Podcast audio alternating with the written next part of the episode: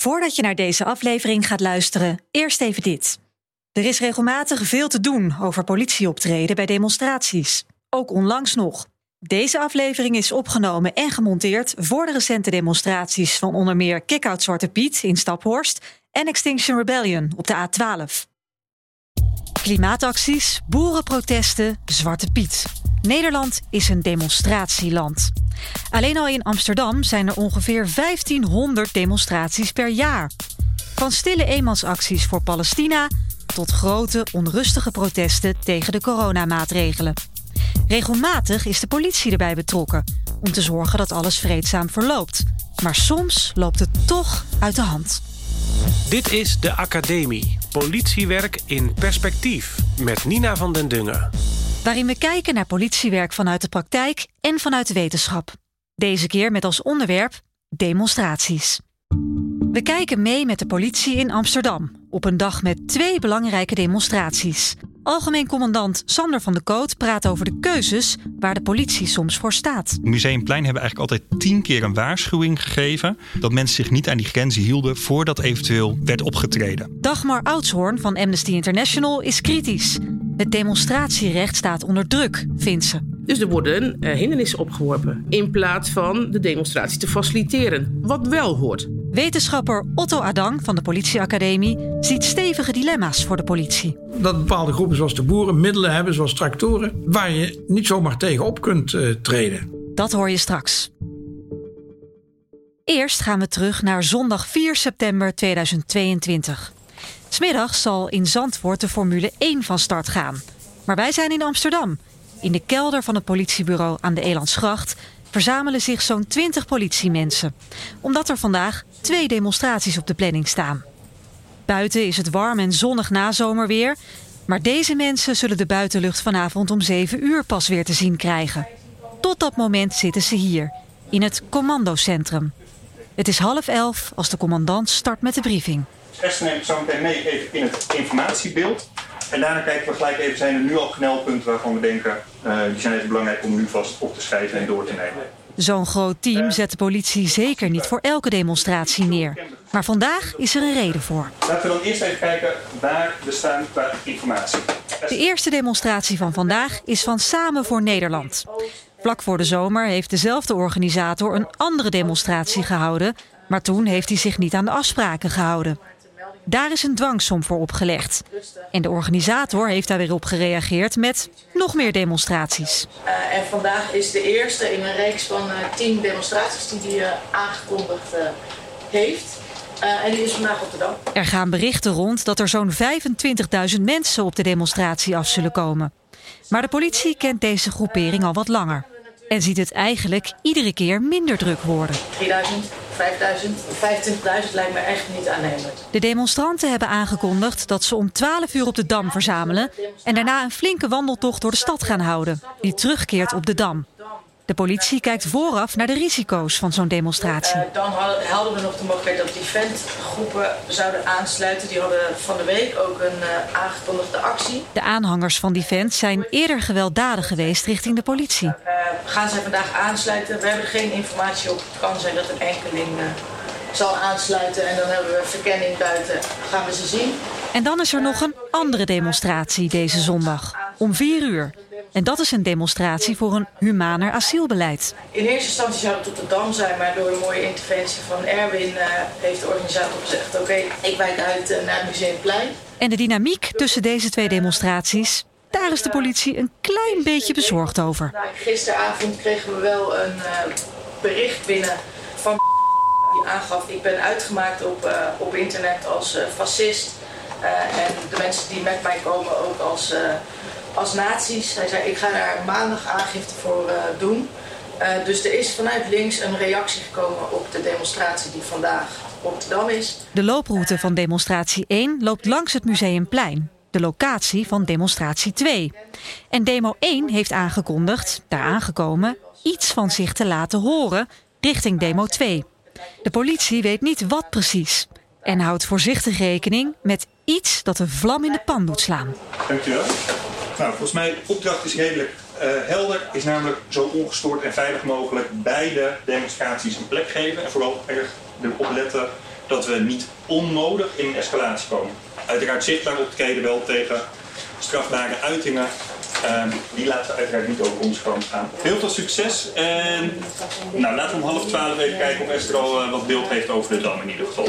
Yes? Otto Adang is lector openbare orde en gevaarbeheersing aan de politieacademie. Hij is niet verbaasd dat de politie juist in Amsterdam zo serieus bezig is met demonstraties. Nou, je ziet dat Amsterdam en de verschillende burgemeesters. Van der Laan inderdaad zei demonstreren is voor mij bij kans heilig.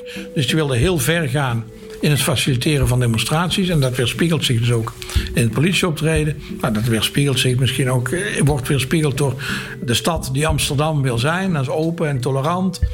Dus daar, daar zie je dat inderdaad men heel ver gaat om inderdaad demonstraties te, te faciliteren. Dat wil niet zeggen dat ook in Amsterdam er wel voorbeelden zijn dat er toch heel stevig is opgetreden tegen demonstraties. De dubbel nul voor de nul Oké, okay, collega's, het is half twaalf. Laten we even de eerste sitrap doornemen. Overal rustig beeld in de stad, Museumplein uh, leeg, de Dam uh, kunnen we zien. Daar wordt nu opgebouwd. In de kelder van het politiebureau zijn de Dam, het Museumplein en alle straten van de looproute te zien op televisieschermen. Bovendien hangt er een cameradrone in de lucht. Er lopen agenten op straat, gewone agenten. Agenten die getraind zijn in ordehandhaving zitten klaar in busjes. Speciale agenten houden op straat contact met de demonstranten. Er lopen agenten in burger rond. Er rijden motoragenten voor en achter de stoet. En de ME kan nog opgepiept worden. De politie pakt vandaag flink uit. Met 1500 demonstraties per jaar is dat gelukkig lang niet altijd nodig. Verslaggever Hajo Magree sprak met Sander van de Koot, de algemeen commandant die je net ook hoorde tijdens de briefing. Die 1500 demonstraties die verlopen eigenlijk vaak ook heel erg goed en zitten daar vaak weinig risico's aan. Dus alleen op basis van de risico-inschatting die wij vooraf maken, bepalen wij de politie-inzet. En de meeste van die 1500 demonstraties, soms is er niet eens politie bij, of zal er soms op zijn hoogst even een wijkagent bij komen kijken. En ik denk van bij die 1500 uh, eh, demonstraties per jaar, dat we in nou, ongeveer 30 tot 40 uh, eh, gevallen per jaar eigenlijk een SGBO, dus eigenlijk een soort projectorganisatie opzetten om de sturing te doen op het begeleiden van die demonstratie. Want het lijkt vaak dat de politie natuurlijk bezig is om tegen een demonstratie te gaan. Terwijl waar we zeker in de eenheid Amsterdam, uh, maar de hele nationale politie, wat we juist heel erg belangrijk vinden, wat onze taak is, is juist het beschermen van dat geluid, het beschermen van dat grondrecht. Kun je je voorstellen dat er nu mensen zijn die dit horen en die, die hiervan denken, nou, nu maak je het wel heel mooi? Zeker, dat, ik kan me voorstellen dat mensen dat denken, omdat ze vaak ook de beelden hebben van uh, wat er in coronatijd uh, bijvoorbeeld is gebeurd. En toen juist de politie ook de grenzen daarin namens de burgemeester, namens de bevoegde gezag stelde. Ja, dan wordt er iemand helemaal in elkaar getrokken. wordt er iemand helemaal in elkaar getrokken. Volgens de Nederlandse wet zijn er drie redenen om een demonstratie te verbieden of te beperken. De vrees voor wanordelijkheden, dus simpel gezegd, als het meer relschoppen wordt dan demonstreren. Als het verkeer niet goed meer door kan stromen. En als er gezondheidsrisico's zijn. Dat staat eigenlijk al heel lang in de wet. Uh, dat een burgemeester mag zeggen, maar in tijden van een gezondheidscrisis, ja, dan uh, mag ik voorkomen dat er zoveel mensen bij elkaar komen. En dat was natuurlijk precies wat er in de coronatijd uh, speelde.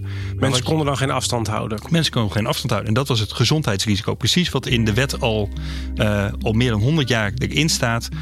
van dat is een reden om dat grondrecht, om dat te beperken. Maar zelfs als een demonstratie wordt beperkt, dan komt dat niet zomaar uit de lucht vallen. Ook voor de organisatie niet. Dus eigenlijk is de eerste stap dat je tegen de eh, demonstrant, tegen de organisator gaat zeggen: U mag demonstreren, maar dit zijn de grenzen waar u zich aan moet houden. In dit geval het aantal deelnemers. Daar krijgt iemand ook een formele brief van, een bombrief. En vervolgens, als je dan op die dag ziet dat er meer mensen zijn dan dat er bijvoorbeeld in die WOM-brief in dit geval staan, wordt de eerste organisator en worden alle mensen die daar zijn op aangesproken. U bent hier met te veel mensen. Gaat u uit elkaar? Dit mag niet.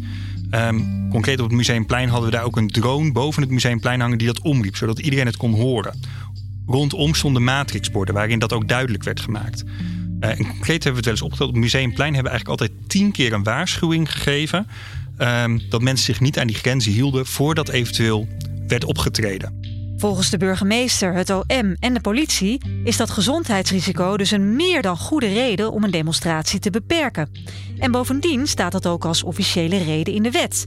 Maar volgens wetenschapper Otto Adang vormen de coronaprotesten toch een dilemma, waar eigenlijk geen goede uitweg uit is gevonden. De vraag is van ja, volgens de wet had je kunnen zeggen van hé, in het kader van de volksgezondheid stop ik nu de demonstratie of vind ik dat mensen zich moeten verspreiden of wat dan ook. En daar is dus heel veel eh, kritiek op gekomen. En dat is naderhand bij nog veel meer demonstraties in de coronatijd heeft zich datzelfde probleem uh, voorgedaan. Waarbij je ziet dat daar ja, men verschillende wegen heeft proberen te wandelen om, om daar mee om te gaan. Van oké, nou laat het, laat het maar gaan. Of uh, inderdaad afdwingen dat de demonstratie ontbonden wordt. En een echt goede oplossing is dan niet, want ook als je de demonstratie gaat ontbieden en dan met geweld en met ME optreden, ja, dan, dan breng je mensen eigenlijk ook bij, in elkaars nabijheid. Dus eh, dat volksgezondheid aspect, eh, dan uh, keert zich dat ook weer tegen je.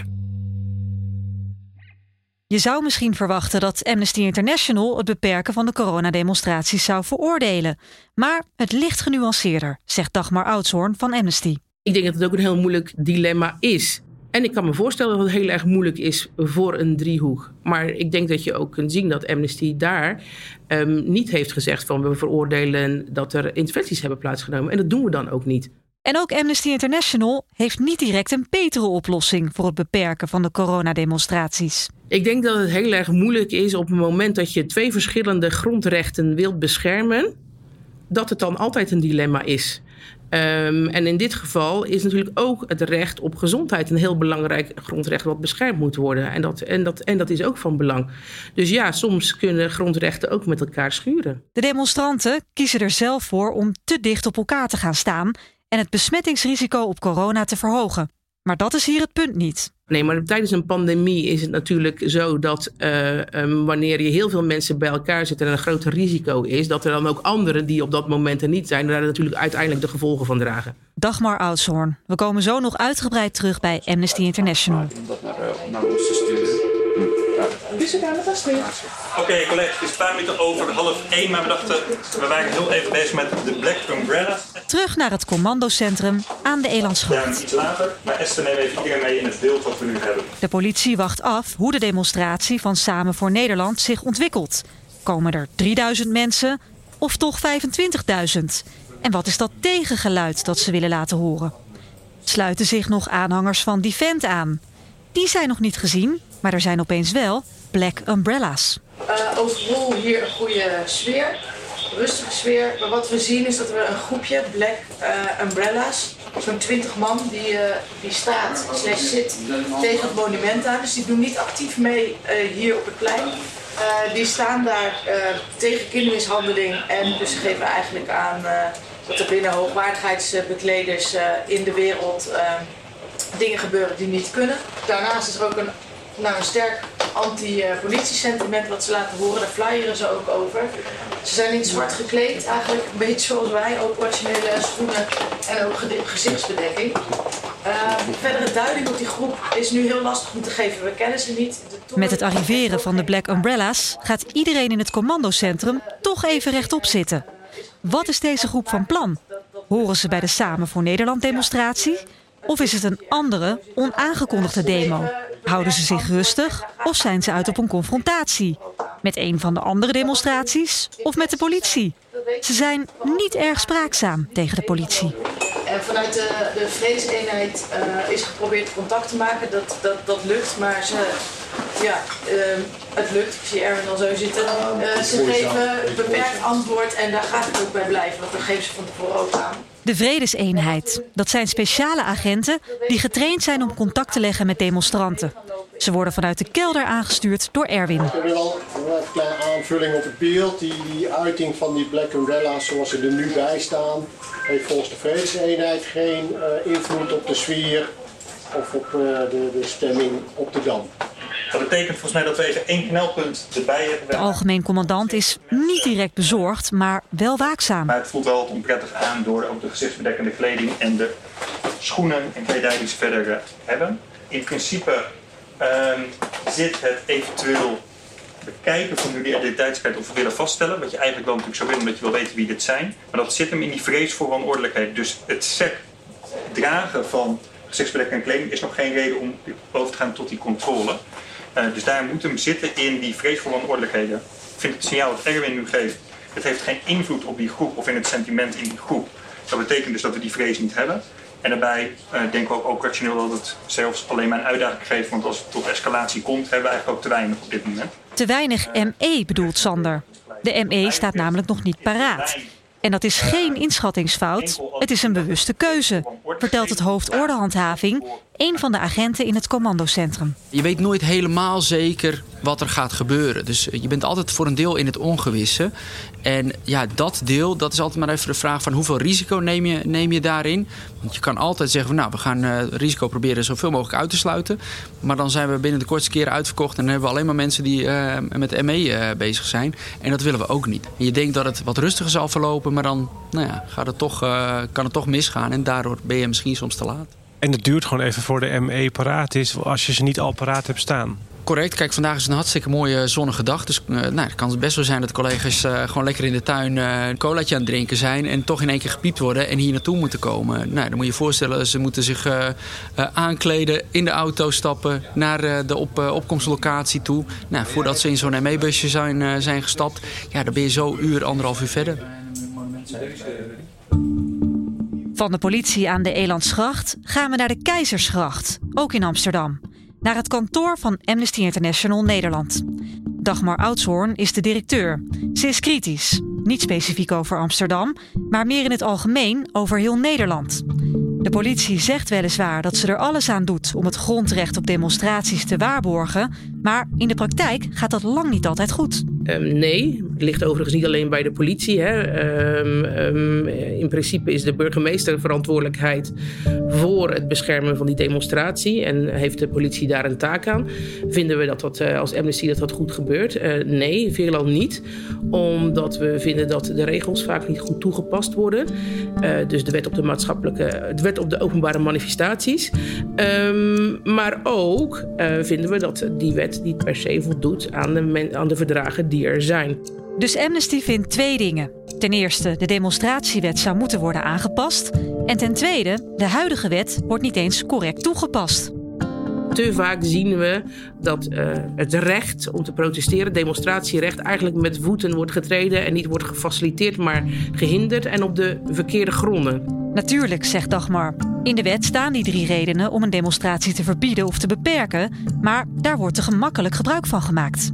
Maar wat we zien is dat um, A, heel vaak wordt dit wordt gebruikt van um, BOA denkt bijvoorbeeld, nou, um, mensen hebben gezegd we vinden het niet fijn, dus komen er wanordelijkheden, dus ga ik uh, een demonstratie verbieden. Daar hebben we ook voorbeelden van.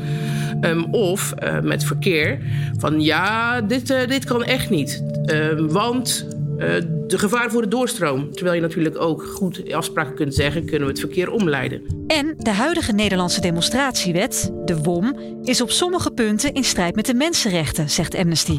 Een van die dingen die erin staat, dat ze zeggen een demonstratie kan verboden of beëindigd worden, enkel en alleen omdat de vereiste kennisgeving niet op tijd is gedaan. Nou, en dat is dus niet in lijn met hoe dat volgens de mensenrechten, dus volgens verdragen enzovoorts, hoort. En daar uh, worden dus ook rechtszaken voor aangespannen en die worden ook gewonnen. Doordat um, gemeenten eisen stellen aan die kenningsgeving. Dat ze zeggen, ja, je hebt het niet 48 uur van tevoren gedaan. Dus kan het niet. En dan moeten mensen dus van goede huizen komen om te zeggen... nou ja, maar dat is niet hoe het hoort. Of dit is niet wat het mag. Dus je ziet eigenlijk al dat bij de kennisgeving... er uh, hindernissen op worden geworpen... Um, in plaats van de demonstratie te faciliteren. Wat wel hoort. Soms stellen gemeenten ook voorwaarden aan demonstranten die in strijd zijn met de mensenrechten, vindt Dagmar Oudshoorn. Er zijn bijvoorbeeld gemeenten die zeggen je moet zelf verkeersregelaars uh, inhuren. Nou ja, dat zou ervoor zorgen dat alleen mensen met geld kunnen demonstreren. En dat is dus ook niet zo. Ook daarin geldt, hey, je faciliteert een niet Vaak zit dat ook best wel handig in online formulieren, waar je dus op het moment dat je dat niet allemaal aanklikt, je niet eens je aanvraag in kunt dienen. Dus er worden uh, hindernissen opgeworpen en dat, uh, dat mag niet. Fundamentele kritiek dus van Amnesty op hoe het er in de praktijk aan toe gaat met het faciliteren van het demonstratierecht in Nederland. Lector Otto Adang is het deels met Amnesty eens, maar deels ook niet ook de WOM laat toe dat als er spontaan iets gebeurt in de wereld en je wil je mening uiten en je hebt geen tijd om een kennisgeving eh, te geven, dat dat, dat dat gewoon kan en dat dat geen probleem hoeft te zijn. Dus daar ben ik het totaal niet mee eens. Dat andere punt, het belang van het verkeer. Eh, daar zit meer in. Daar, daar zie je eigenlijk dat dat niet direct aansluit bij wat eh, regelingen wat, wat je zou verwachten. Ik ken zo geen ander land waar een dergelijke bepaling eh, wordt opgenomen. Eh, dus daar, dat Amnesty daar kritisch op is, kan ik heel erg goed begrijpen. Letterlijk zeggen we, hè, enige hinder voor het verkeer, dat moet geduld worden. Ook als dat tot files en verkeersopstotingen uh, leidt. En zeker op het moment dat ze strak gecoördineerd uh, zijn en waarvoor men afstemming heeft gezocht met de politie, die moeten gewoon beschermd worden door het uh, demonstratierecht. Maar dit zijn er wel meer dan 2,5 toch? Ja, dat steekt dat ze gaan lopen. 5000 ongeveer per kwartier lopen ja. door een demo. Ja. Dus dan kunnen we daar In het commandocentrum wordt via camera's in de gaten gehouden hoeveel mensen zich op de dam verzamelen. Toch meer dan verwacht, zo lijkt het. Ja, ik vind het lastig. Er zit heel veel ruimte tussen mensen. Elk uur neemt Sander met alle aanwezigen een sitrap door. Een situatierapport. Um, ze denken, wil jij niet wel even kijken of we iemand hebben die dit een beetje kan inschatten? Want hier gaat straks ook weer heel veel over ontstaan hoeveel mensen waren hier nu, zeg maar. En misschien kunnen we het als we gaan lopen, want dan kan de politie weet inmiddels nog steeds niet goed wie die Black Umbrellas nou zijn. Speciale agenten in Burger houden alle demonstranten goed in de gaten. En die verkenners zien op een goed moment iets waar de hele dag al rekening mee wordt gehouden. Het hoofd ordehandhaving legt meteen contact met de commandant. Hey, hallo, wat je denkt van? Uh, verkenning geeft aan acht man uh, die herkend worden als zijn de Defend uh, groepleden die zich aansluiten bij die Umbrella mensen. Defend, de groepering die eerder gewelddadig is geweest en betrokken was bij demonstraties die uit de hand zijn gelopen. Dus, ik zou eigenlijk wel ermee willen piepen. De mobiele eenheid wordt opgeroepen en gaat nu van huis richting de opkomstlocatie om daar om te kleden en in de bekende bussen te gaan zitten. Otto Adang heeft veel wetenschappelijk onderzoek gedaan naar demonstraties. Onder andere naar de principes van crowdmanagement, het omgaan met mensenmassa's. Volgens hem zijn er vier strategische principes voor goed crowdmanagement. Het eerste principe is: zorg dat je geïnformeerd bent. Niet alleen over hè, harde kernproblemen, de traditionele politieinformatie. Maar zorg dat je je kunt verplaatsen in degene waar je mee te maken hebt. Dat je snapt wat belangrijk uh, voor ze is. Dat je snapt wat ze beweegt. Dat je uh, weet wat, wat ook in symbolisch opzicht belangrijk voor ze is. Dus dat is geïnformeerd zijn, informatie. Het tweede principe noemt Otto Adang het faciliteren van legitieme intenties. Je mag demonstreren, je mag je mening uiten. Je mag emotioneel zijn, je mag boos zijn. En dat soort dingen, als mensen dat soort doelen willen verwezenlijken, dat kun je faciliteren. En dat draagt heel erg bij aan een goed verloop van demonstraties en evenementen. Het derde principe van succesvol crowdmanagement is communicatie twee richting. Niet alleen maar vertellen wat, wat mensen moeten doen, maar echt de dialoog aangaan en ook, ook luisteren. Daar voorkom je een hele hoop misverstanden mee. Daar begrijp je ook beter mee wat mensen beweegt. En dat geeft je een hele hoop extra beïnvloedingsmogelijkheden. Ook om inderdaad om grenzen aan te geven van wat wel en niet geaccepteerd uh, wordt. Het vierde en laatste principe is differentiëren onderscheid maken. Maar niet onderscheid maken op basis van de groep waar mensen toe behoren, behoren of op basis van de inhoudelijke uiting die ze doen, maar op basis van het gedrag wat ze vertonen. Dus heel gericht differentiëren interventies plegen op mensen die grenzen overschrijden. Niet maatregelen nemen die meteen een hele groep betreffen. Bij de demonstratie op de Dam in Amsterdam heeft de politie het een beetje moeilijk met een aantal van deze vier strategische principes. De groepering Black Umbrellas verschijnt plotseling op het toneel. Maar de politie heeft een gebrek aan informatie. Ze weet niet goed wie het zijn. En zoals je Sander eerder hoorde zeggen... Het dragen van seksbedekking en kleding is nog geen reden om over te gaan tot die controle. De politie kan niet zomaar om hun idee vragen. Dat mag niet van de wet. De Vredeseenheid probeert erachter te komen wie het zijn en wat ze willen bereiken, maar krijgt niet echt antwoord.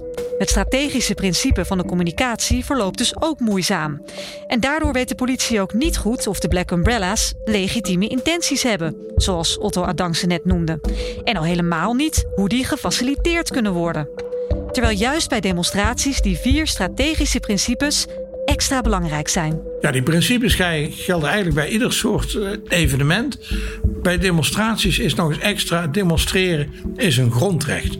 Dus je hebt recht om je mening te uiten. Dus dat faciliteren van een grondrecht maakt dat nog extra belangrijk bij demonstraties, protesten. De politie kiest ervoor om af te wachten en vooral zelf geen aanleiding te zijn voor escalatie. Onze opdracht ook vanuit de driehoek is eigenlijk altijd om te de-escaleren en om gefaseerd op te treden. Eerst altijd aanspreken en eigenlijk zeggen: dit mag niet. Uh, en pas als er daar niet naar geluisterd wordt, dan kan je altijd nog daar uh, strafrechtelijke maatregelen tegenover zetten. Aan de Elandsgracht is het tijd voor het sitrap van half twee. Het hoofd ordehandhaving legt uit waarom hij toch de ME heeft opgepiept. Nee, ja, overweging om ME te piepen zit in, een aantal zaken. Toch even het in het ongewisse zijn van die umbrellas, zeg maar. Hè, van wat zijn dan echt hun, intenties. Maar de aansluiting van die defentleden daarbij. Uh, het feit dat de burgemeester in de woning is, dat we de burgemeesterwoning willen, onder controle willen krijgen. Toch nou ja, redelijk wat aantal demonstranten, wat hoger ligt dan wat we verwacht hadden. En ook de, de berichtgeving dat ze dan een geluid willen laten horen op een plein en we niet weten wat dat is alles bij elkaar genomen uh, en hem ook niet verder achter uh, de feiten aan te lopen, uh, heb ik ermee. de demonstratie is inmiddels ook aan de looproute door de stad begonnen en komt zo langs het museumplein.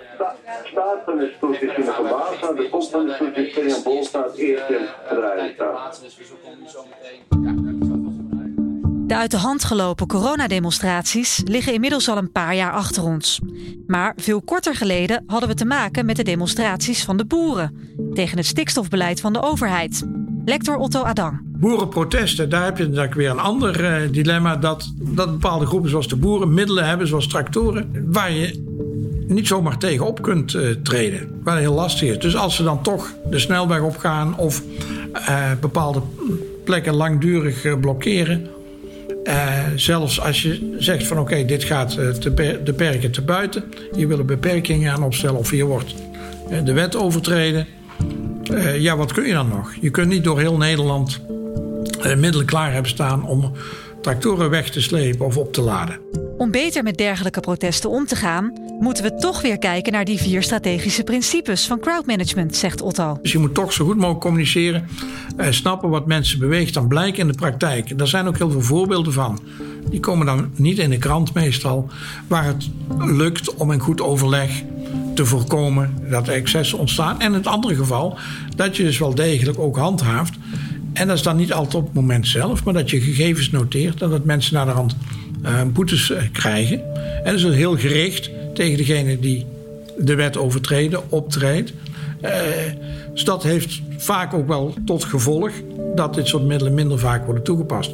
En ook differentiëren in de zin dat je het onderscheid maakt tussen mensen die daar komen om de boeren te ondersteunen, maar zelf helemaal geen boer zijn, maar vooral gericht op de orde te verstoren. Waar de boeren zelf vaak ook helemaal niet blij mee zijn, dat je gericht tegen die groep optreedt en waardoor je de bereidheid tot medewerking van de boeren weer vergroot. Nou ja, wat je ziet, en dat is ook een van de kritiekpunten die we hebben, is dat gemeenten uh, verschillend handelen. Um, dat zou eigenlijk niet moeten. Um, uh, je ziet dat sommigen uh, strakker uh, uh, dus eerder zeggen, oh, veiligheid is in het gedrang in plaats van hè, het beschermen van de demonstratie. En wat je ziet waarneembaar is dat er um, sommige mensen uh, een compleet land kunnen platleggen. Um, en anderen, um, als ze vijf minuten op de snelweg zitten, al worden weggehaald. Dan heeft Dagmar het onder andere over de boerenprotesten. Het actievoeren van, van de boeren hebben we in principe geen probleem mee. Want ik heb net gezegd, um, um, verkeershinder mag.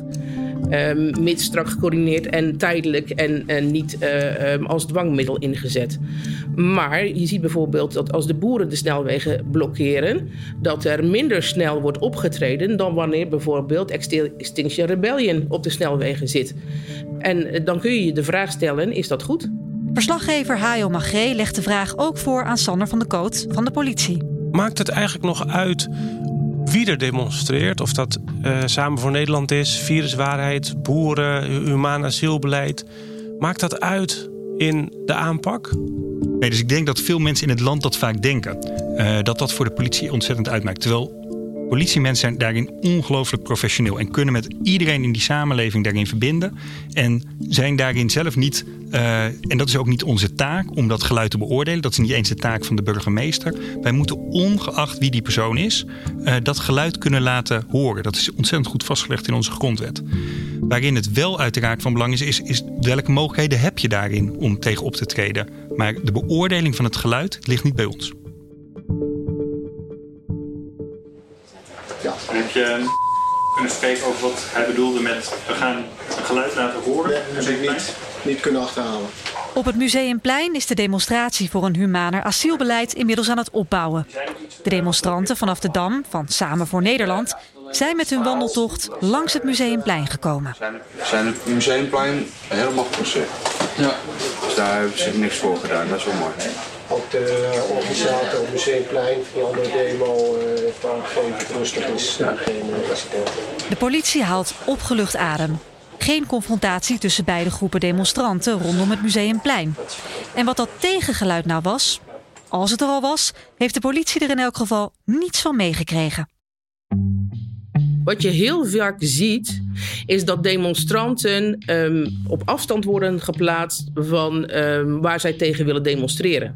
Nou, laten een van de uitgangspunten van een demonstratie zijn dat het op uh, sight en sound, uh, zeggen we dan. Hè? Dus op, het moet in het gezicht zijn en je moet het kunnen horen van waar je tegen wilt demonstreren. En op het moment dat je dus mensen vijf kilometer verderop op een industrieterrein zet, dan perk je dat recht, je demonstratierecht in, um, op oneigenlijke gronden. Op deze zondagmiddag in Amsterdam gaat het om twee verschillende demonstraties, elk over een heel ander onderwerp. Maar het komt ook nog wel eens voor dat de ene groep een demonstratie wil houden en dat een tweede groep wil demonstreren tegen de demonstratie van groep 1. Je wil dat maximaal faciliteren.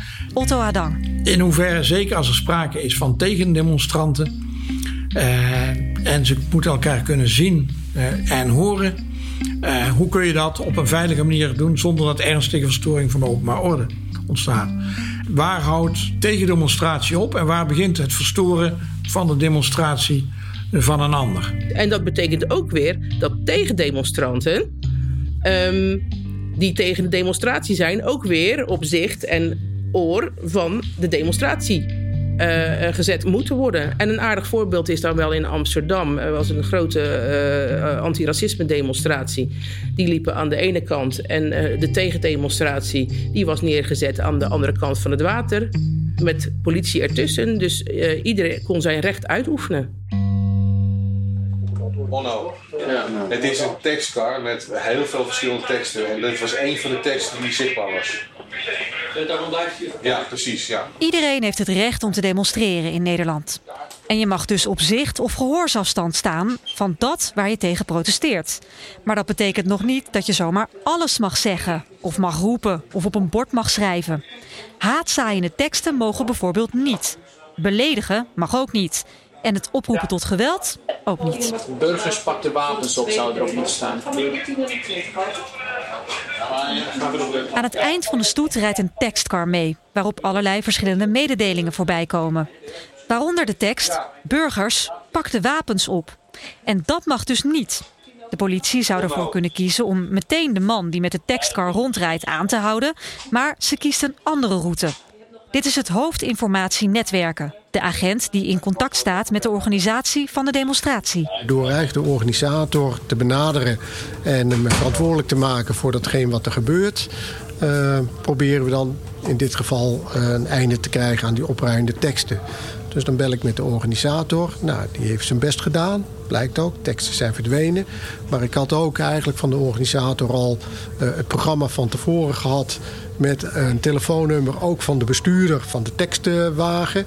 Uh, dus ik heb ook de bestuurder van die tekstcar heb ik, uh, gebeld. En ja, nou, die gaf ook al aan dat de tekst weggehaald is onder protest. Maar goed, maar wel weg. Dus die uiting is niet meer zichtbaar. Nou, weet je, dan heb je dat toch al wel weer uh, door het contact met, uh, met de organisator uh, kunnen bereiken. De politie grijpt hier dus met tamelijk zachte hand in nadat er iets op een bord leesbaar is geweest dat volgens het strafrecht niet mag. Amnesty International ziet dat wel eens anders. We weten van situaties dat mensen ehm, aan de voorkant al wordt gezegd: ehm, u zult geen uh, um, uitspraken doen of uh, dingen op borden zetten die onfatsoenlijk zijn of onwelvoegelijk. Dat zijn dan vaak termen die worden gebruikt. Of um, opruiend. Want wat is de definitie daarvan? Nee, de grenzen van wat wel en niet mag op een bord zijn de grenzen van het strafrecht. Dus je mag niet aanzetten tot geweld en het mag niet uh, haatzaaiend zijn of discriminerend zijn. En voor de rest mag je er alles op zetten wat je boodschap is. Uh, dan hadden we een tekstvar wat ik vorige keer aangaf waarop stond burgers neemt uw wapens op. dat is van de tekstcar afgehaald nadat wij dat verzocht hebben. Dus daar is naar geluisterd en we hebben één vlag gezien. Lector openbare orde Otto Adang vertelde eerder over de vier principes van crowdmanagement. Als je die succesvol toepast, scoor je nog een soort bonusvoordeel, zegt Otto. Kijk, het is onmogelijk om, zeker als zich grotere groepen mensen verzamelen, duizenden, meer dan tienduizend misschien wel, dat je die allemaal onder controle hebt. Dan moet je wel een politiestaat, en zelfs in een politiestaat is dat uh, niet helemaal mogelijk. Op het moment dat je je houdt aan die vier strategische principes, uh, dan ontstaan ook een soort normen in die groep van wat wel of niet oké is, wat wel of niet acceptabel is. Omdat je ziet dat je in zo'n groep dan processen krijgt om elkaar te corrigeren als mensen toch die grens overgaan. Nou, dat lukt alleen maar als mensen daar ook de ruimte voor hebben. Als ze voelen dat ze serieus genomen worden. Als ze voelen dat ze in hun legitieme bedoelingen gefaciliteerd eh, worden. Dan zie je dat er heel vaak, dat is geen garantie dat dat altijd lukt. Maar dat je wel processen krijgt van zelfcontrole. Als de politie alleen massaal repressief optreedt, maak je dat zelfregulerende vermogen binnen zo'n groep onmogelijk. Want dan is dus alleen maar de overheid verantwoordelijk voor de orde. En dan is er dus geen enkele verantwoordelijkheid meer bij de aanwezigen zelf, de, de leden van de crowd, om ook mee de orde, hun, hun orde, ja. op hun manier, wat, wat past bij hun normen, wat ze op dat moment willen, om die te handhaven. Het gevolg daarvan is juist heel escalerend, want je versterkt dat wij-zij-effect. Wat, wat heel erg escalerend werkt van hé, hey, de overheid treedt tegen ons op, tegen ons allemaal, behandelt ons onrechtmatig. Dat verlaagt de drempel om je daar tegen te verzetten, want de overheid behandelt ons, ons niet goed. Mensen slaan nu Niks! Ze mag zitten, niet slaan! Ja. Als het uit de hand loopt, staat het tegenwoordig meteen op Facebook, Twitter en YouTube. Zoals deze beelden van een coronademonstratie op het Haagse Malieveld. Heren, rustig! Heb je het gevoel dat je tegenwoordig met de grote aandacht van sociale media, filmpjes, telefoons erbovenop, dat je je meer moet legitimeren voor de aanpak? Is dat veranderd? Zeker, en dat komt denk ik ook door juist in die social media wereld, waarin soms ook maar een heel klein gedeelte van het verhaal wordt neergezet. Terwijl er vaak een veel breder verhaal was te vertellen over de aanloop, hoe dingen zijn ontstaan, hoe politiemensen tot dat optreden zijn gekomen. Dus moeten we ons daarover verantwoorden. Maar ik vind dat niet erg. Want aan de andere kant, wij hebben namens de samenleving dat monopolie op geweld. Dat is een uniek iets wat wij hebben. Dus dat wij ons daarover moeten verantwoorden, dat is ook uh, niet meer dan terecht. Daarbij blijft het wel van belang voor mensen in de media, voor mensen bij de politie, om wel het hele verhaal met elkaar dan ook te vertellen. Dat klopt dat dat soms uh, is. Er wordt, zo, hè, er wordt geknipt in filmpjes. Maar de politie geeft aan de andere kant ook wel heel snel van uh, ja, uh, je ziet de gehele context niet. En daarom moet je gewoon heel erg transparant ook met je optredens omgaan. En dat betekent dus ook openstaan voor kritiek. Waarom kiest bijvoorbeeld de politie Rotterdam bij het woonprotest om hetzelfde te doen? Ook selectief in een filmpje te knippen. Dus als dat je argument is en je wilt het bestrijden met een selectief geknipt filmpje, dan uh, bespreid je vuur met vuur. Dat is volgens mij nooit goed. Wat we altijd zeggen is: we vinden het heel erg belangrijk dat de politie ook leert uh, en lerend wil zijn. Dus op het moment dat er kritiek komt, kijk, evalueer, um, maak dat transparant. En dat geeft ook vertrouwen aan mensen. Op het moment dat dit soort berichten uh, gedeeld worden, dat kan het wij-zij perspectief enorm versterken inderdaad van kijk eens, de, politie zei, de overheid treedt zo tegen ons op. En ja, de enige tegenstrategie die je, die hebt, is gewoon daar zelfs zo open en transparant mogelijk over te zijn in de keuzes die je maakt en, en hoe je optreedt.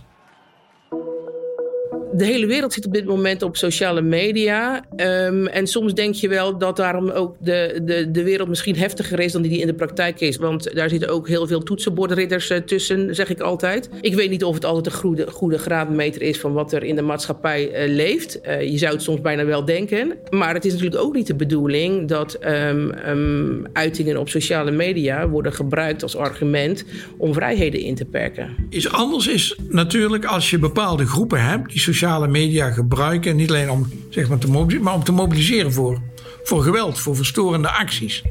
En daar zijn sociale media natuurlijk een, een machtig middel voor, wat je twintig jaar geleden niet had. De krakers die hadden een uh, uh, telefoonketen en die konden elkaar bellen als iets aan de hand was. Ze konden zich verzamelen.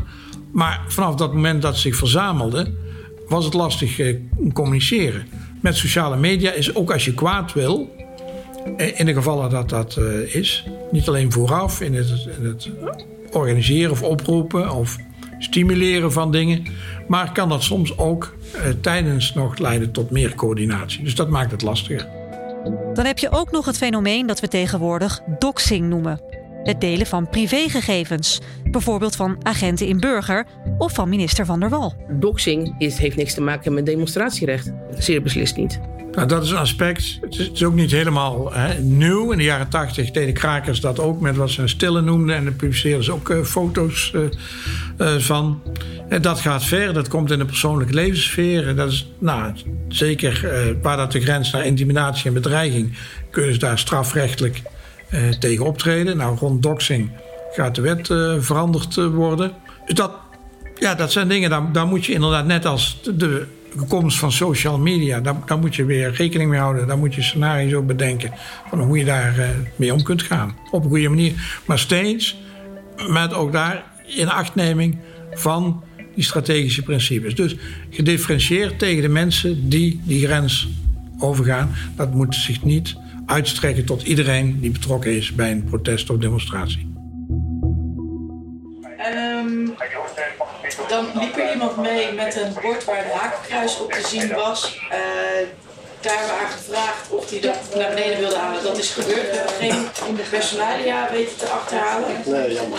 Uh, maar goed, er is wel. Uh, er is in ieder geval het hakenkruis is niet meer in zicht. Dubbel 0 van de 0. Pieter speelt draait nu met lijn op. En net voorbij de poort. we gaan later nog meten om te kijken wat het aantal, dat aantal overeenkomt. Dankjewel. Kopstoek in Zandvoort, hoe zit dat eruit? ik ben alleen gericht op het werk. Altijd werk alleen. Verstappen staat, Verstappen staat derde. Ja, ik vind het irrelevant hoor. Ja, ik zei net tegen Sander, we merken, we, we, we merken het effect van de Formule 1, want er is nauwelijks 1 in 2 en de interne telefonie is helemaal nul. Dus het, het is erg rustig. In het commandocentrum ontspant iedereen weer. Geen incidenten op het Museumplein. En ook de Black Umbrella's en de aanhangers van die vent houden zich rustig. Amnesty International is een campagne begonnen om aandacht te vragen voor het grondrecht op demonstraties. Omdat dat grondrecht wereldwijd onder druk staat, zegt Amnesty. Dus ook in Nederland. Zover wil Otto Adang niet gaan, maar hij ziet wel dat het demonstratierecht lang niet altijd goed wordt toegepast. Een voorbeeld uh, van de Zwarte Piet demonstraties van de afgelopen jaren. Uh, een van de eerste keren werd iemand uh, aangehouden bij onze demonstratie. Alleen maar vanwege het feit dat hij een t-shirt aan had met de tekst Zwarte Piet is racisme. Dat is gewoon eens een meningsuiting, dat, dat is uh, toegestaan. En op grond van de inhoud, zolang dat niet de, de, wet overtreedt, is dat geen enkel probleem. En dat is later ook door de rechter erkend. Maar ja, dat is op het moment dan dus wel gebeurd. En later in Dokkum was daar met goede afspraken met politie uh, en de lokale overheid. Er was een bus met demonstranten op weg naar Dokkum, maar die werden geblokkeerd op de snelweg door mensen die een andere mening hadden. En is de overheid en is de politie dus niet in geslaagd om ervoor te zorgen dat die demonstratie doorgang kon vinden. Maar toch is er geen reden om alarmbellen te laten afgaan, zegt Otto.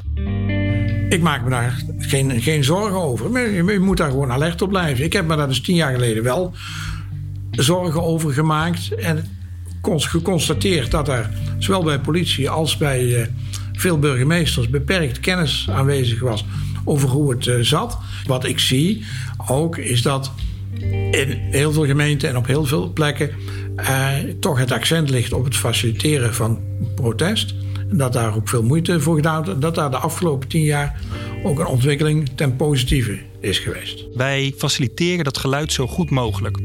Uh, en er zijn ook collega's, ik noemde ze net al van de Vredeseenheid, die eigenlijk in het weekend uh, zo goed mogelijk proberen met mensen mee te lopen die een demonstratie doen om dat geluid te beschermen. Als die collega's zelf vervolgens door demonstranten worden uitgemaakt als je hoort bij het regime, we weten wel aan welke kant jij zou hebben gestaan in de Tweede Wereldoorlog, dan ontstaat wel het dilemma dat je denkt: wij zijn eigenlijk bezig om jullie geluid zo goed mogelijk te faciliteren en te beschermen, maar vervolgens beledig je ons. Um, nou, en dan ontstaat wel een dilemma: uh, hoe lang blijven we dat natuurlijk doen? En dat zullen we blijven doen, want daarin zijn we, uh, zijn we professioneel, uh, maar dat raakt mensen wel. Tot zover deze aflevering van de Academie. Je hoorde Sander van de Koot, algemeen commandant bij de politie in Amsterdam... en een aantal collega's die in functie waren tijdens het SGBO van begin september 2022. Namens Amnesty International hoorde je Dagmar Oudshoorn, de directeur van de Nederlandse tak. En natuurlijk lector openbare orde en gevaarbeheersing Otto Adang van de Politieacademie. Wil je meer weten over de principes van succesvol crowdmanagement? Ik zet een link in de show notes. Amnesty International is een campagne begonnen over het demonstratierecht, Right to Protest, en ook daarover vind je een link in de show notes. Heb je nou met plezier naar deze aflevering geluisterd? Zorg dan dat meer mensen hierover horen. Stuur deze aflevering door naar je collega's of je vrienden. En als je je abonneert op deze serie in je podcast-app, dan krijg je automatisch een melding als we een nieuwe aflevering publiceren. Ik ben Nina van den Dungen en dankjewel voor het luisteren.